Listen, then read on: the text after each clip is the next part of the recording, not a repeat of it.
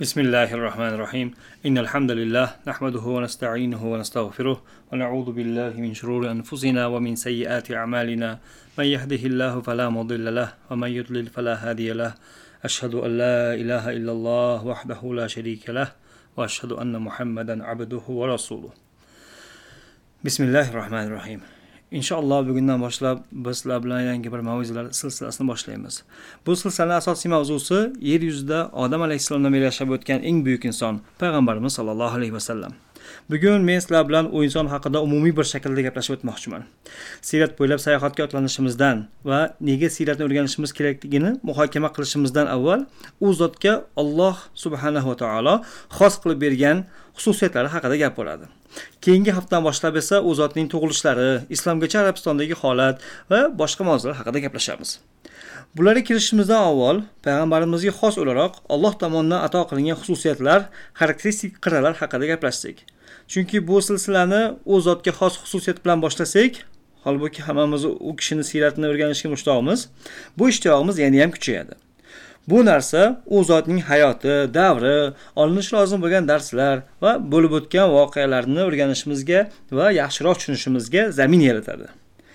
Alloh taolo butun bashariyat orasidan tanlab olgan zot haqidagi suhbatga qaysi tomondan kirishsak bo'ladi?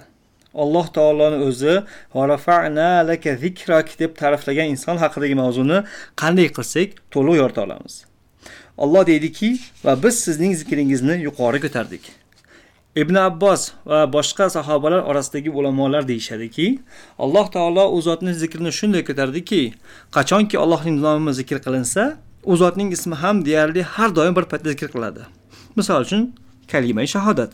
La ilaha illalloh muhammad rasululloh. Namozlarimizda qur'on oyatlarida va har bir xutbamizda allohning ismini poklaymiz va payg'ambarimizga durudu salovatlar yo'llaymiz. Shuningdek alloh taoloning o'zi payg'ambarimiz sollallohu alayhi vasallamni rahmatan lil alamin deb ta'riflagan. Siz butun olamlarga rahmatsiz. Siz rahmatning inson shaklidagi ko'rinishisiz alloh sizni yubordi va siz orqali rahmatini yubordi va o'sha rahmat sizsiz va siz allohning rahmati yuboriladigan vositasiz. Demak u zotning o'zlari rahmat jo'natishlari rahmat risolatlari rahmat o'rgatganlari rahmat. U zotga iymon keltirish va o'rniga asosida yashash ham rahmat. Demak u zotga aloqador har qanday narsa hodisa ko'rinish va tushuncha rahmat allohdan. Shunday bir holat ekan alloh taolo u zotni shunday go'zal ta'riflagan ekan biz qanday qilib u kishini haqqini ado qila olamiz? Shunga qaramasdan keling. U zotga tegishli barcha narsa haqida gaplasholmasak ham aqalli bir necha xususiyatni esga olaylikki vaqt va boshqa sharoitlar tig'iz bo'lgani sababli aytib o'ta olmaydigan son sanoqsiz xususiyatlariga ishoratu dalolat bo'lsin.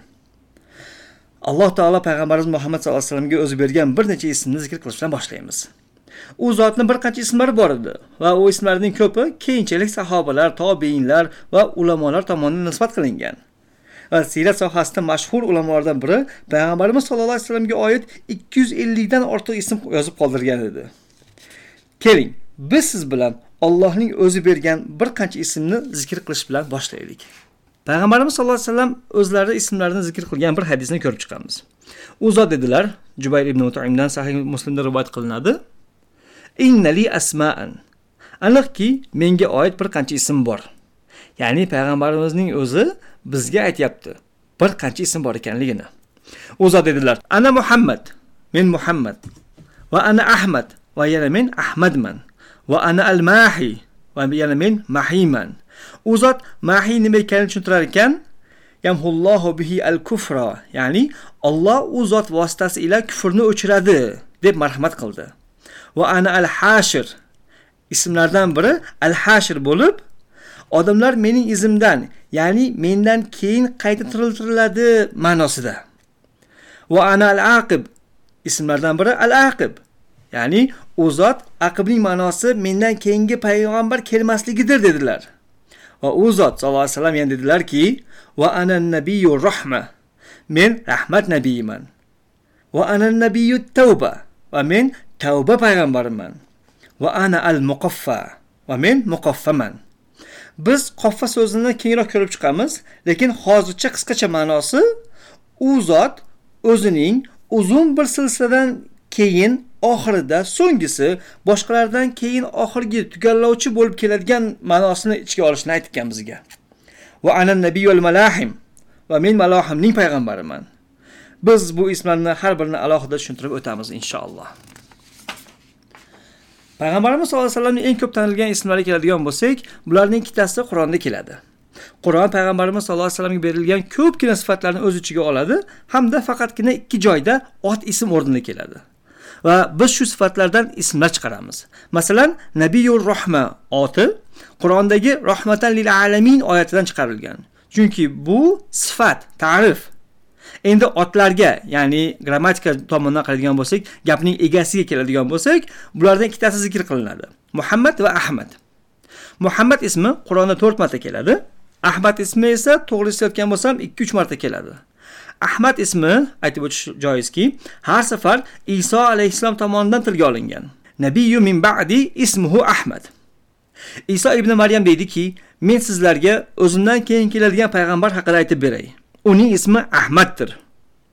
Bu ikkala ismning o'zagi hamdan kalimasi. Hamd so'zining ma'nosi maqtash demak lekin oddiy maqtash ma'nosida emas. Hamd qur'ondagi ilk so'z. Alhamdulillahi robbil alamin. Hamd so'zi boshqa birovni sizga biror yaxshilik qilgani uchun maqtash emas chunki bu holatda zikr so'zi ishlatilgan bo'lardi. Bunday holatda qilingan maqtovning sababi bor. Biron yaxshilik. Siz menga qanchadir pul berdingiz sizga rahmat.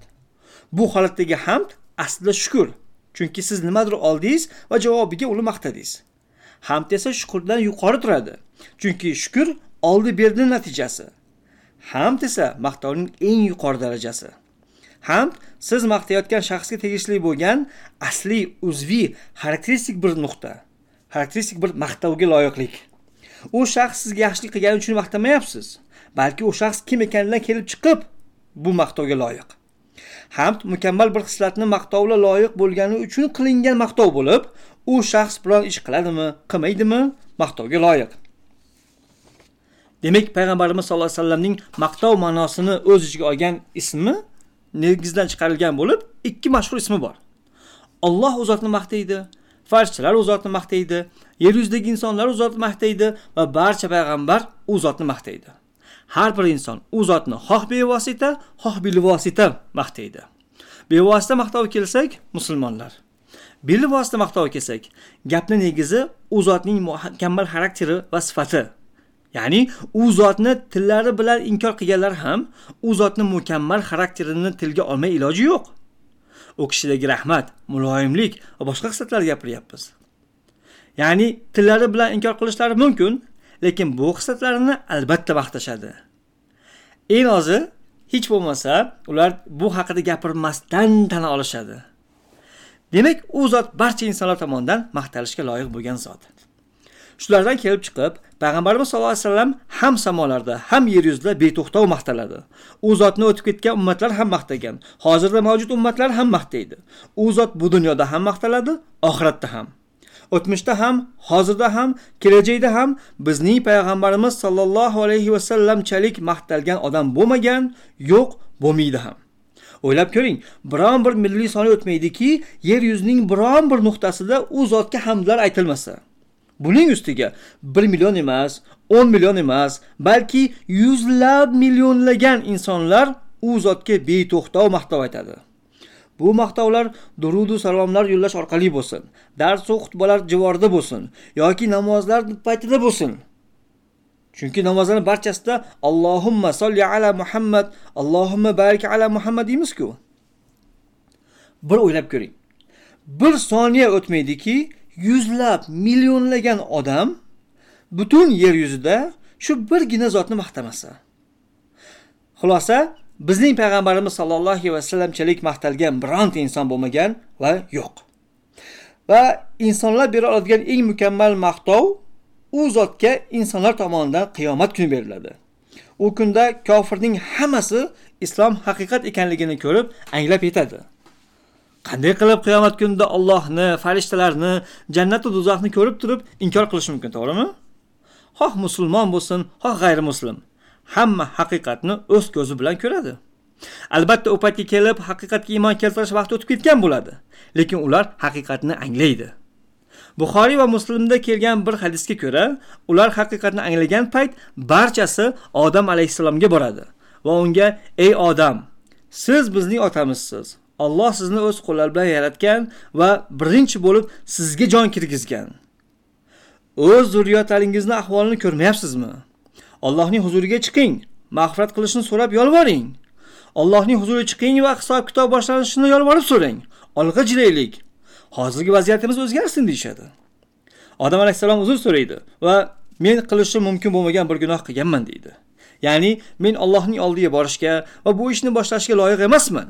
chunki men bir gunoh qilganmanki u gunoh hozir men xavotirga solgan nafsi nafsi boshqa birontasiga boringlar nuh alayhissalomga boringlar. Shunda bashariyatning barchasi har bir inson nuh alayhissalomni oldiga boradi va ayni iltimosni o'rtaga tashlaydi. Nuh alayhissalom esa men qilishim mumkin bo'lgan bir xato qilganman deydi. Alloh menga hech kimni mag'firat qilishni so'ramasligimni buyurgan edi. Men esa o'g'limni qutqarishni so'radim va itoatsizlik qildim. Endi men o'zim haqqimda xotirdaman. Nafsi nafsi. Boshqa birontasiga boringlar. Ibrohim alayhissalomga boringlar. Ibrohim alayhissalom ham ayni gapni aytadi. Men uch marta yolg'on gapirganman. Holbuki u gaplar tomonda yolg'on emas edi. U kishi qiyomat kunida shu qo'shnilar ichida yolg'onlar sababli o'zidan xavotirda endi. Bu uch holat qanday holat edi? Birinchisi u kishi u ishni eng katta but qildi dedi. Holbuki u da'vat niyati qilingan ish edi va yolg'on emas edi. Chunki butning bu ishga qodir emasligi hammaga ayon o'rtada edi. Lekin u kishi bu paytda juda ham katta xavotirda balkim Alloh hozir mendan shuning hisobini so'rar. ikkinchisi men kasalman degani.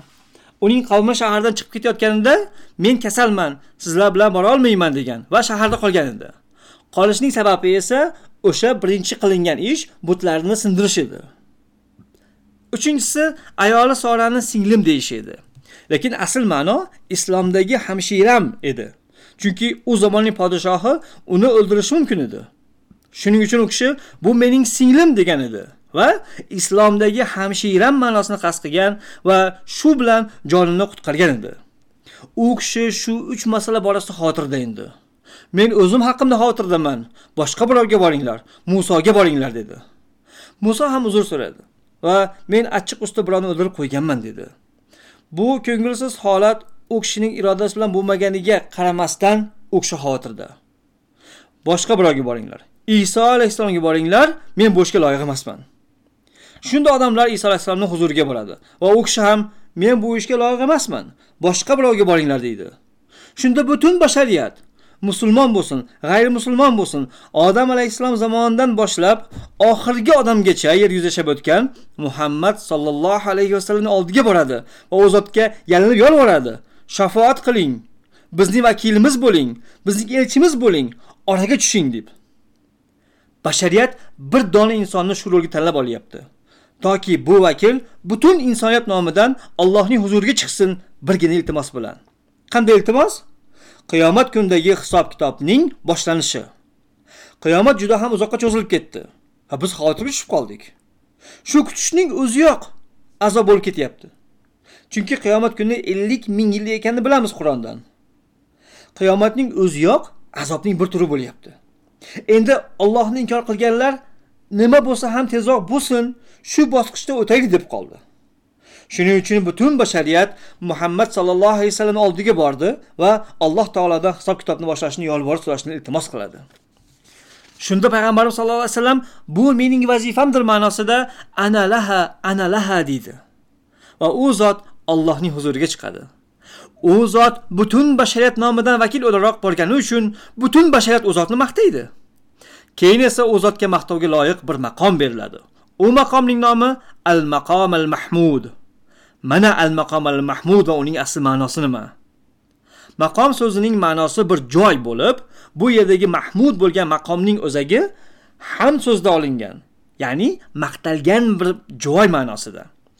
Chunki hamma u zotni maqtaydi bu ish uchun u zotga minnatdor bo'lmagan va maqtov aytmagan bironta ham odam bolasi qolmaydi. Alloh u zotni al-maqomul mahmudga ko'taradi. Farishtalar maqtovlari o'qiydi. Odamzod maqtovlari o'qiydi. Koinotda mavjud bo'lgan xalq qilingan har bir jonli jonsiz narsayu kimsa u zotni maqtaydi zero u kishi al maqom al mahmudda. Bu maqom mahmud bo'lgan maqom ekan unga muhammad va ahmad bo'lgan zotdan boshqa kim ham loyiq? Muhammad va ahmad ismlarini orasidagi farq nimada? Muhammad mufaal vaznli so'z. Demak muhammad so'zining ma'nosi beto'xtov takror birining orqasidan keyingisi ila maqtalayotgan ma'nolarida. Shundan kelib chiqib muhammad so'zining maqtovlar sonini o'z ichiga oladi. Ya'ni har bir soniyada u kishiga beto'xtov maqtovlar yog'dirilyapti. Aytib o'tganimizdek vaqt boshlanishidan e'tiboran bu dunyo turgunicha oxirat davlat boshlangunicha hisob kitob tugab bitgandan keyin abadul abad maqtov aytiladi. Muhammad ismi bu maqtovlarning uzluksiz va davomiy ekanini anglatadi. Ahmadga kelsak afal vaznida bo'lib maqtovlarning eng oliysi ma'nosini anglatadi. Sifat jihatdan eng yuksakli ma'no maqtov ya'ni. Shulardan kelib chiqib ahmad maqtovlar sifatini anglatadi muhammad esa maqtovlar adadini sonini. Va bularning ikkalasi payg'ambarimiz sollallohu alayhi vasallamda mujassam. Ya'ni u zot eng oliy sifatli maqtovning cheksiz sonda aytilishiga loyiq bir inson. Biz Alloh Allohga aytadigan hamd boshqa turli ya'ni ilohiyatga aytilgan hamd. Endi odamga aytilgan hamdning eng oliysi va beto'xtovi payg'ambarimiz sollallohu alayhi vasallamga aytilganidir. Qaytarib qo'yay. Ahmad maqtovlar sifatini muhammad esa maqtovlar sonini anglatadi. Endi muso alayhissalom bizning payg'ambarimiz kelishi va qur'onda aytilgandek ismlari muhammad bo'lishi va iso alayhissalom esa u zotni ahmad deb ta'riflashi masalasiga kelsak. Ibn qoyim aytishicha u ikki holatdagi hikmat shuki bizning ummatimizdan keyingi eng katta ummat son jihatdan yahudiylar ya'ni bani isroil. Chunki nasroniylar iso alayhissalom olib kelgan narsadan boshqa narsani ushlaydi hozirgilari boshqacha aytganda nasroniylik qo'shnoq ichidagi avliyo pavelning talqinini ushlaydi. Haqiqiy nasroniylikni ushlaganlar insonlar esa ya'ni iso alayhissalomga ergashganlar soni juda ham oz bo'lgan edi. Ular rioya qilgan din juda ham oz vaqt mavjud bo'lgan. Havariylar bor. Imperator konstantin keyinchalik iso alayhissalomdan keyin dinni o'zgartirib tashladi. Endi bu din go'yoki ilohiy uchlik borligini iddao qildi. Iso alayhissalomni ilohiylashtirdi. Bizning nuqtai nazardan esa iso alayhissalom hech qachon bunday aqida bilan kelmagan edi. Shundan kelib chiqib muso alayhissalomning ummati bizning ummatdan keyin haqiqiy ma'noda allohga taslim bo'lganlarning son jihatdan eng kattasi eng katta ummat. Shuning uchun ularga adad ma'nosini tashigan so'z berildi. Ya'ni muhammad. Ularga taalluqli va mos bo'lgan ta'rif ishlatilmoqda bu yerda. Iso alayhissalomga kelsak unga ergashganlar soni oz edi. Va u payg'ambar olib kelgan haqiqiy risolatga haqiqatdan ergashganlar soni ham juda oz bo'ldi. Ya'ni ularniki sifat jihatidan ilg'or edi. Havoriylar va ularga ergashganlar qiynoqlarga duchor bo'ldi. Butparast rum imperiyasi ularni qatl qildi. Sheru arslalarga yem qildi. Ularni tiriklarining terisini shildi. Hozirda biz kinorda ko'radigan iskanjalar hayotda ilk nasroniylarga qarshi qo'llanildi. Bu nasroniylar haqiqiy nasroniy ya'ni iso ibn maryam alayhissalom olib kelgan shariatga haqiqatdan tatbiq etgan insonlar edilar. Shuning uchun ularga ahmad sifati berilyapti. Chunki ularning o'z payg'ambariga itoat qilishi yuqori sifatda edi. Shunday qilib ham muhammad ham ahmad u zotning ismlaridan. U zot o'zlatilga olgan uchinchi ismlari al mahiy al mahiy so'zi u zot tomonidan ta'rif qilingan bizga. Al mahiy shunday odamki alloh subhanava taolo u odam ya'ni payg'ambar sallallohu alayhi vasallam vositasi ila kufrni tozalab tashlaydi. Chunki maha so'zining ma'nosi artish tozalash surib tashlash ma'nosi.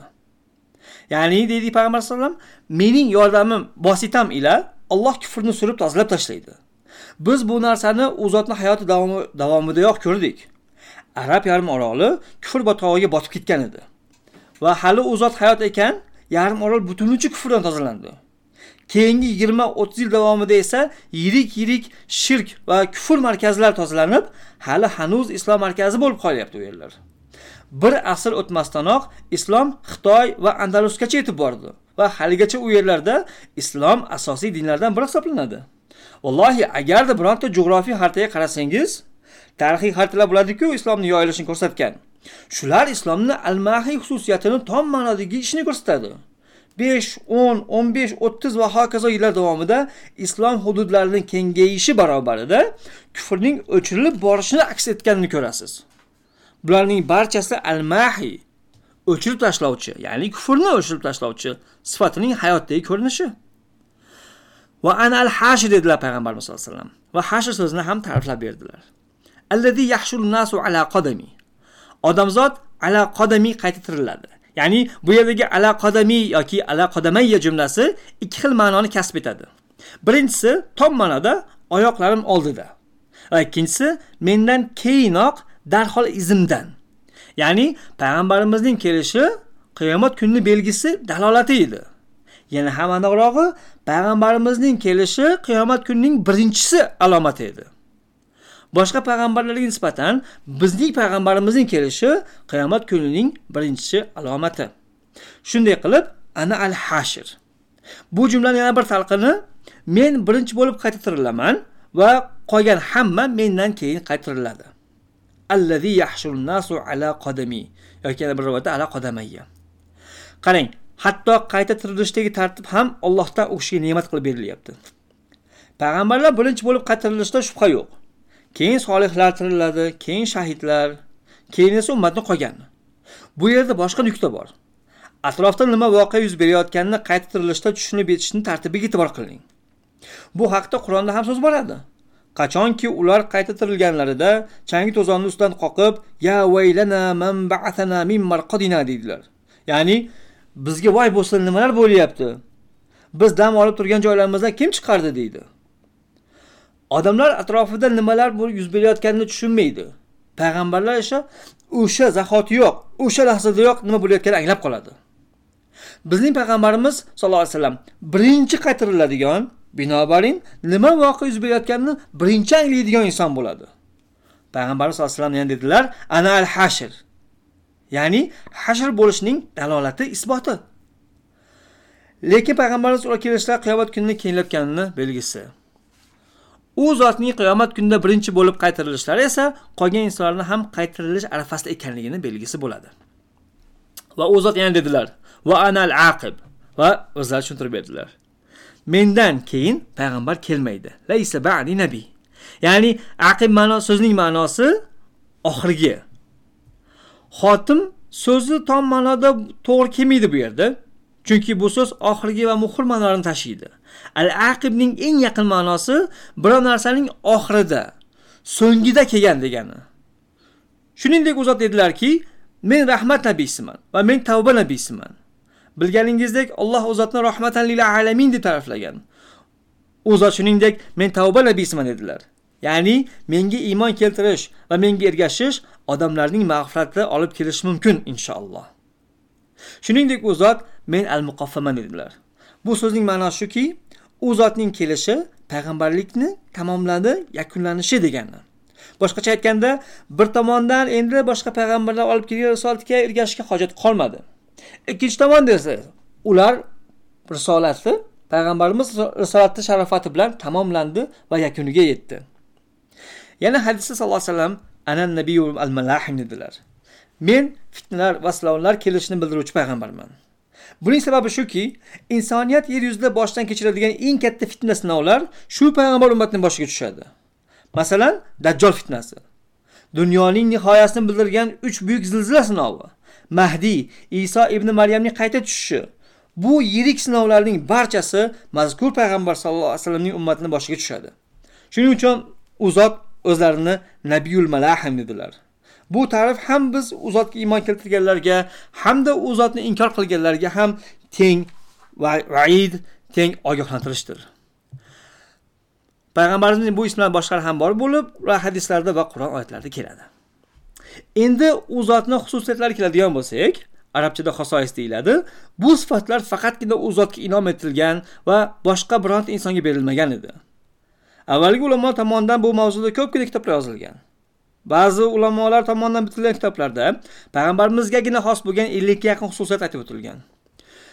Ko'p narsa aytib o'tishimiz mumkin edi lekin hozir biz faqatgina umumiy qilib aytib o'tishimiz mumkin birinchisi u zot Allohning eng so'nggi payg'ambari tushunarliki u zotgacha hech qaysi bir payg'ambar oxirgi payg'ambar bo'lmagan va tabiiyki faqatgina bir inson so'nggi payg'ambar bo'lishi mumkin va o'sha payg'ambar muhammad sallallohu alayhi vasallam edi bu haqiqat qur'onda ochiq oydin aytib o'tilgan ما كان محمد أبا أحد من رجالكم ولكن رسول الله وخاتم النبيين muhammad sallallohu alayhi vasallam biron biringizning orangizdagi otasi emas edi va lekin allohning rasuli va nabiylarning xotimasi edi.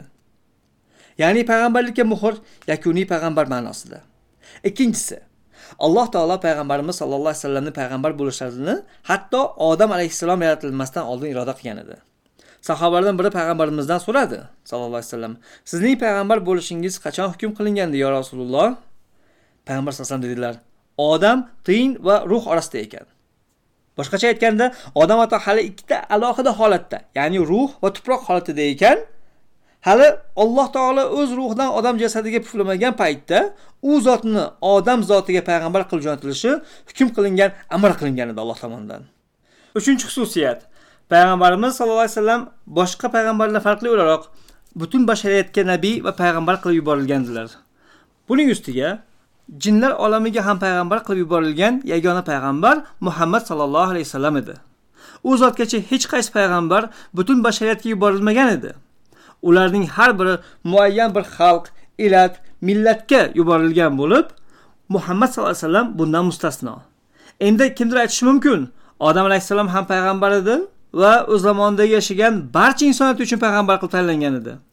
Chunki odam otam odam ato yashagan zamonlarda inson jinsidan faqat uning oilasi mavjud edi yana nuh alayhissalom o'z xalqiga rasul qilib yuborilgan va u paytda uning qavmidan boshqa inson jinsidan boshqa maxluqot bo'lmagan. Shunday bir vaziyatda qanday qilib butun insoniyatga yuborilish faqat payg'ambarimiz sallallohu alayhi vasallamga xos deyish mumkin? Javobimiz quyidagicha bo'ladi. Odam ato va nuh alayhissalomlar oddiy bir tasodif vaziyatdan kelib chiqib shu rolni bajarishgan. Boshqacha aytganda odam alayhissalom birinchi inson ekan uning atrofida zotan bir qancha zurriyoti bor edi xolos. Alloh taolo payg'ambariga buni ustiga siz butun bashariyatga payg'ambarsiz demagan. Odam alayhissalom payg'ambar bo'lganida u o'z davrida yashaganlargagina elchi bo'lgan. Ayni gapni allohning birinchi rasuli nuh alayhissalomga ham aytishimiz mumkin. U kishi payg'ambar bo'lganida yer yuzida faqatgina bir dona shahar mavjud edi. U paytda shaharlar qoriyalar va boshqa inson yashaydigan makonlar bo'lmagan. Faqatgina bir guruh bir millat bir jamiyat bir elat bo'lgan. Binobarin olloh u qishloqni yer yuzidan surib tashlashni iroda qilganida butun insoniyat halok qilingan. Bu holatda ham nuh alayhissalom butun insoniyatga payg'ambar emas edi. Shunchaki u odam payg'ambar bo'lganida insonlarning soni juda yam oz edi. Buning ustiga biz aniq bilamizki nuh alayhissalom odam alayhissalomdan bir qancha zamon o'tgandan keyin yuborilgan bo'lib odam alayhissalom zamoniga yashagan odamlarga payg'ambar emas edi. Va hammamizga ma'lum bu ikki zot insoniyat tarixida birinchi ikki payg'ambar edi. Ulardan keyingi payg'ambarlar o'z davrida birdan ortiq jamiyat mavjud bo'lganiga qaramasdan o'zining muayyan jamiyatidan boshqalarga payg'ambar qilib yuborilmagan. Illo payg'ambarimiz sollallohu alayhi vasallam. U zot nafaqat ikki sivilizatsiya insonlar va jinlar olamiga elchi bo'lgan. U zot insonlarga barcha zamonu makonda yashaydiganiga elchi. Bunday xususiyat hech qaysi bir payg'ambarga alloh tomonidan inon qilinmagan edi. Darslarimiz davomida hali mashhur bir voqea haqida gaplashamiz. Voqeani nomi jinlar tuni bo'lib u tunda musulmon jinlar payg'ambarimiz sallallohu alayhi vasallam huzuriga kelgan va u zotdan ularga islomni o'rgatishni iltimos qilishgan. Payg'ambarimiz sallallohu alayhi vasallam ular bilan borib ularga istagan narsasini o'rgatishgan. Yana boshqa bir xususiyat shu ediki boshqa hech qaysi payg'ambar yoki elatga berilmagan ru'b edi. Payg'ambarimiz sallallohu alayhi vasallam deydilarki alloh menga ru'b berish orqali madad berdi. Ru'b nima? Ru'b qo'rquvning bir turi bo'lib, Alloh uni mening dushmanlarimning yuraklariga men ular yetib bormasimdan oldin solib qo'yadi. Masofa bir oylik masofa bo'lsa ham. Ya'ni Alloh u zotga jismonan to'qnashuv bo'lmasdanoq zafarni berib qo'yapti. bu holat faqat u zotga tegishli edi xolos albatta bu xislat na boshqa payg'ambarga va na boshqa har qanday insonga berilgan yana boshqa bir xususiyat shu ediki u zotning ummati boshqa har qanday payg'ambarning ummatiga nisbatan soni eng katta ummat. Bu haqida sahih buxoriyda kelgan bir hadisda gap ketadi. Payg'ambar sallallohu alayhi vasallam aytadilar olloh menga ummatlarni ko'rsatdi. Birning chegarasi ko'z ilg'amas darajada katta edi. Men shu mening ummatimmikin? dedim. Menga yo'q bu muso alayhissalom ummati deyildi. So'ng menga undanda kattaroq ummat ko'rsatildi. Va bu ummat ufqni to'ldirgan ko'zga sig'mas darajada katta edi. Va menga mana shu sizning ummatingiz deyildi. Yana bir hadisda o'zi sahobalariga ummatingiz ya'ni o'zlarining ummati jannat ahlining uchdan biri bo'lishni xohlaysizlarmi? deb so'radilar. Ular allohu akbar deyishdi. Chunki bu paytgacha yuz minglagan ummatlar o'tgan bo'lsayu bu ummat jannatning uchdan biri bo'lsa allohu akbar so'ng u bir qancha vaqt jim qoldi. Agar sizlarga sizning ummatingiz jannat ahlining yarmi bo'ladi desam xursand bo'larmidingiz deb so'radilar. Allohu akbar deyishdi. U zot bir qancha vaqt jim qoldi. Keyin esa allohga qasam mening ummatim jannat ahlining uchdan ikkisini tashkil qilishini so'rayman dedilar. Biz boshqa jannatga loyiq ummatlarni o'ydan chiqishini xohlamaymiz. Astag'firulloh kim jannatga loyiq bo'lsa alloh hammasini yetkazadi. Aytmoqchi bo'lganimiz shuki hozirgi son sanoqqa binoan yer yuzida qancha musulmon bor? Bir yarim milliard atrofida deyiladi. Shundaymi? Endi bu hisobga payg'ambarimiz zamonidan beri yashab kelgan va qiyomatgacha yashab o'tadigan jannatga loyiq insonlarni barchasini hisobga oling. Zotan hozirni o'zidayoq hissa jihatidan biznikilarni soni juda ham katta bo'lib ketdi. Endi shu sonni avvalgi payg'ambarlarga haqqoniy tarzda ergashgan ummatlarning soniga taqqoslang. Gap bu yerda haqiqiy nasroniy va haqiqiy yahudiylar haqida ketyapti. Isoni ilohiy ekanligiga ishonganlar haqida emas. Uzayrni allohning o'g'li deganlar haqida emas. Muso alayhissalom va boshqa bani isroil kelgan payg'ambarlarga haqiqiy risolatga haqiqiy talabga rioya qilgan holda ergashganligini esga olamiz. Yuzlab millionlagan odam bo'lsa kerak. Katta son albatta mashalloh. Lekin ularni hozirning o'zidayoq mavjud bir yarim milliardga o'n to'rt asr davomida yashab o'tganlarga va olloh biladi qiyomatgacha hali qancha odam yashab o'tadi bularga solishtirib bo'lmaydi. Bularning hammasini e'tiborga olsangiz inshaalloh payg'ambar sallallohu alayhi vasallam naqadar rost gapirganini ko'rasiz. Buni ustiga bu gaplar aytilganida yer yuzida musulmonlar yashagan faqat bir dona qishloq bor edi madinai munavvara. Va unda balkim bir yarim ming musulmon yashagan bo'lsa kerak. Va o'sha zamonning o'zidayoq boshqa yerlarda boshqa o'lkalarda 2-3 million nasroniy va 100 minglagan yahudiylar yashar edi shunday bir paytda u zot o'zining masjidga to'plangan 50 nafar sahobasiga shu gaplarni aytib marhamat qildi. Umid qilamanki sizning ummatingiz jannat ahlining 3 dan 2sini tashkil qiladi. Hozir bu hadisni eshitsak ha hisobga kitobga ko'ra mantiqli bir gap deymiz. Lekin u zot bu gapni aytgan paytda bir mo'jiza qatori ko'rilgan. Bizning zamonamizda esa biz bu narsani o'z ko'zimiz bilan ko'rib turibmiz. Yana boshqa bir xususiyat shu ediki u zotga aqlni lol qoldiruvchi eng buyuk mo'jiza berildi. Qur'on mo'jizasi. Bu haqida inshaalloh kelajakda bafurja gaplashamiz. Aytishimiz kerak bo'lgan hozircha yagona narsa shuki boshqa hech qanday mo'jiza qur'onga teng kela olmaydi. Bu narsani oddiy bir dalil bilan isbot qilishimiz mumkin. Masalan har qanday boshqa bir mo'jizani oling. Qizil dengizni ikkiga bo'linishi bo'lsin iso alayhissalom ollohni izni bilan tiriltirgan o'lik bo'lsin. Bu va boshqa har qanday mo'jizaga bizda qo'limizda dalil isbot yo'q va biz bu narsani shohidi bo'lmadik. Biz dengizni ikkiga bo'linishini ko'rganimiz yo'q. Iso alayhissalom lazar degan odamni tiriltirganini va u qabrdan chiqib kelganiga biz shohid bo'lmadik. Siz va men uchun bu narsa tom ma'noda mo'jiza emas. Bizga shunday ishlar bo'lgani haqida xabarlar keldi va biz allohning har narsaga qodir ekanligi e'tiboridan bu ishga iymon keltirdik va shunday mo'jizalar bo'lib o'tganiga iymon keltirdik ishondik. Qur'on esa men osonlik bilan g'ayrimuslimni qo'liga tutqizishim mumkin bo'lgan narsa. Qarang mana bu mening payg'ambarimning mo'jizasi desam bo'ladigan bir narsa. Qur'on shunday mo'jizaki men uni tilovat qilishim mumkin. Boshqalar men tilovatimni eshitishi mumkin. Qur'on tirik bir mo'jiza desak ham bo'ladi. Unga o'xshagan har qanday mo'jiza yo'qligi aniq. Payg'ambarimiz sallallohu alayhi vasallamga inom qilingan boshqa bir xususiyat bor. Aytib o'tish kerakki bu xususiyat boshqa hech qaysi payg'ambarga berilmagan edi va biz inshaalloh kamida ikki uch darsni faqat shu bir xususiyatga ataymiz. Tun sayri isro va meroj boshqa hech qaysi payg'ambarga bu sayrga chiqish imkoniyati berilmagan edi. Huquqi haqqi berilmagan edi. Hatto alloh taolo eng buyuk payg'ambarlardan biri muso alayhissalom bilan bevosita gaplashganda ham bu suhbat ilohiy kalom nutq orqali muso alayhissalom yer yuzida ekanligida ro'y berdi. Muso alayhissalom sayno tog'ida edi. Bizni payg'ambarimiz sallallohu alayhi vasallam esa alloh azza va jallani huzuriga ko'tarildi. Boshqa hech bir inson alloh taoloni huzuriga ko'tarilgan emas. Bizga ma'lum bo'lgan xabarlarga ko'ra payg'ambarimiz boshqa hech kim qilmagan sayrni qilgan. U zot shunday maqomgacha ko'tarildiki hatto jabroil alayhissalom men bundan bu ko'tarilishga ruxsatim yo'q endi dedi. Buyog'iga yolg'iz borasiz. Hatto jabroil alayhissalom bu mening chegaram vizam deysizmi ruxsatim deysizmi bo'ldi u yog'iga o'tolmayman deyapti. Yana boshqa bir xususiyati shu ediki u zot butun insoniyatning rahbari va sarkori.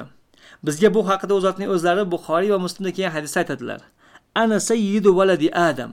Men odam bolasining sayyidiman sayyid bu o'rinda biron ishdan mas'ul ma'nosida kelmoqda. Shuningdek vakil rahbar boshliq ma'nolari ham bor. Yana ma'nolardan biri sayyid insoniyatning eng mukammali.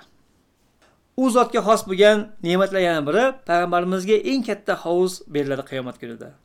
Bu hovuz tomonlarining uzunligi bir xil bo'lgan to'pirchik ya'ni biz sizlar aytganda kvadrat bo'lib u shu qadar kattaki uning bir tomoni makka bilan san'a shaharlari orasiga teng. Bu arab yarim orolini yarmi degani deyarli. Makka bilan san'a shaharlari orasidagi masofa hovuzning faqat bir tomoni. Endi shuni to'rtga ko'paytiring. Bu hovuzdan suv ichgan odam abadul abad chanqoq tashnalik nimaligini his qilmaydi inshaalloh. U zotga xos bo'lgan ne'matlar yana biri sirotni kesib o'tadigan birinchi inson u zot bo'ladi. U zot o'z ummatini jannat tomon boshlab boradi va jannat eshigini qoqqan birinchi inson bo'ladi. Va otamiz odam alayhissalomdan keyin jannatga birinchi bo'lib kiradigan inson u zot bo'ladi. Jannat eshiklari u zotni ismlari bilan ochiladi. Chunki u zot jannat eshigini qoqqanida eshikka mas'ul farishta kim u deb so'raydi. Muhammadman deb javob beradi. Farishta men sizga bu eshikni ochishga mukallafman deydi. Ya'ni sizdan boshqasi kelganida ochishi mumkin emas edi. Siz kelganingizda bu eshikni ochmasligim mumkin emas edi. Ya'ni u zotning ismi yangraganida jannat eshiklari ochilishiga ruxsat berilyapti. Shundan kelib chiqib u zot o'zlari aytganlaridek jannatga qo'yiladigan birinchi inson oyog'i u zotning o'ng oyog'i bo'ladi. U zotdan keyin esa biz u zotning ummati kiramiz. Holbuki vaqt zamon va makon borasida biz oxirgi ummatmiz. Lekin shunga qaramay alloh taolo bizga shunday ikrom ko'rsatadi muhtaram qiladi maqomimizni ko'taradi. Nega? Chunki biz u buyuk insonni ummatimiz va bu ham albatta u zotga xos bir xususiyat. Boshqa juda ham ko'p narsa aytsak bo'lar edi lekin vaqtimiz oz qoldi. Bugun suhbatlashadiganimiz oxirgi xususiyat shuki alloh taolo u zotga jannatning eng yuqori qavatini inom qiladi. Bu daraja firdavsul alaning eng yuqori qavati bo'lib butun qavat u zotga tegishli bo'ladi. Ba'zi ulamo ta'rificha jannatni piramida holida tasavvur qilish mumkin. Ya'ni ham aniqroq gapirsak qancha yuqoriga ko'tarilsangiz shuncha ozroq odam bo'ladi. Ya'ni jannatning quyi qavatlarida insonlarning soni ko'proq bo'ladi. Alhamdulillah jannatda tiqilinch bir vaziyat yuzaga kelmaydi. Va qavatlar bo'ylab yuqorilashgan sari u yerdagi odamlarning soni ozayib boraveradi. Va oxirida bir qavat keladiki o'sha qavatning butuni bir insonga tegishli va taalluqli bo'ladi. Butun daraja butun qavat faqat bir insonga atalgan. Bu qavat firdavsul alaning eng yuqori qatlami va alloh taolo arshining shundoqqina ostidagi bir qavat. Bu daraja qavatning nomi al fodila payg'ambar sallallohu alayhi vasallam deydilarki bu al fodila jannatdagi bir manzil bo'lib Alloh uni butunicha faqat bir qulga atab qo'ygan. Va u zot kamtarlikda deydilarki men umid qilaman o'sha odam men bo'lay. Bu gap u zotning kamtarligi dalolat. Zero hech bir inson yo'qki shu darajaga ko'tarilishga loyiq ish yoki ibodat qila olsin. Shuning uchun u zot bizdan allohga duo qilishimizni va bu daraja vasila va fodila u zotga tegishini so'rashimizni bizdan xohlagandilar shuning uchun ham har azondan keyin duoda biz ati muhammadanil vasilata val fadila deb duo qilamiz va ba'athu maqaman mahmudan allazi yu'atta. va u zotni maqom mahmudda tiriltirgin bu maqomda u zotga insonlarning barchasi durud salovatlar yo'llaydi. Bu dunyoda u zotni haqorat qilgan bo'lsa ham ustidan kulishga va masxara qilishga harakat qilgan bo'lsa ham go'yoki u zotni rasmi chizgan bo'lsa ham u kunda ularning barchasi u zotga salomlar salovatlar yo'llaydi. Xulosa qilsak yuqoridagilar payg'ambarimizga oid xususiyatlarni bir qanchasi xolos. Afsuski vaqtimiz tugab qoldi. Shuning uchun darsimizni keyingi mavzuga o'tmay turamiz. Keyingi mavzu esa u zotning axloqi ko'rinishi shamoyili o'zini tutishi arab jazirasidagi islomgacha bo'lgan vaziyat boshqalar bilan muomala va boshqa mavzular haqida bo'ladi. Vassalomu alayka ya rasululloh.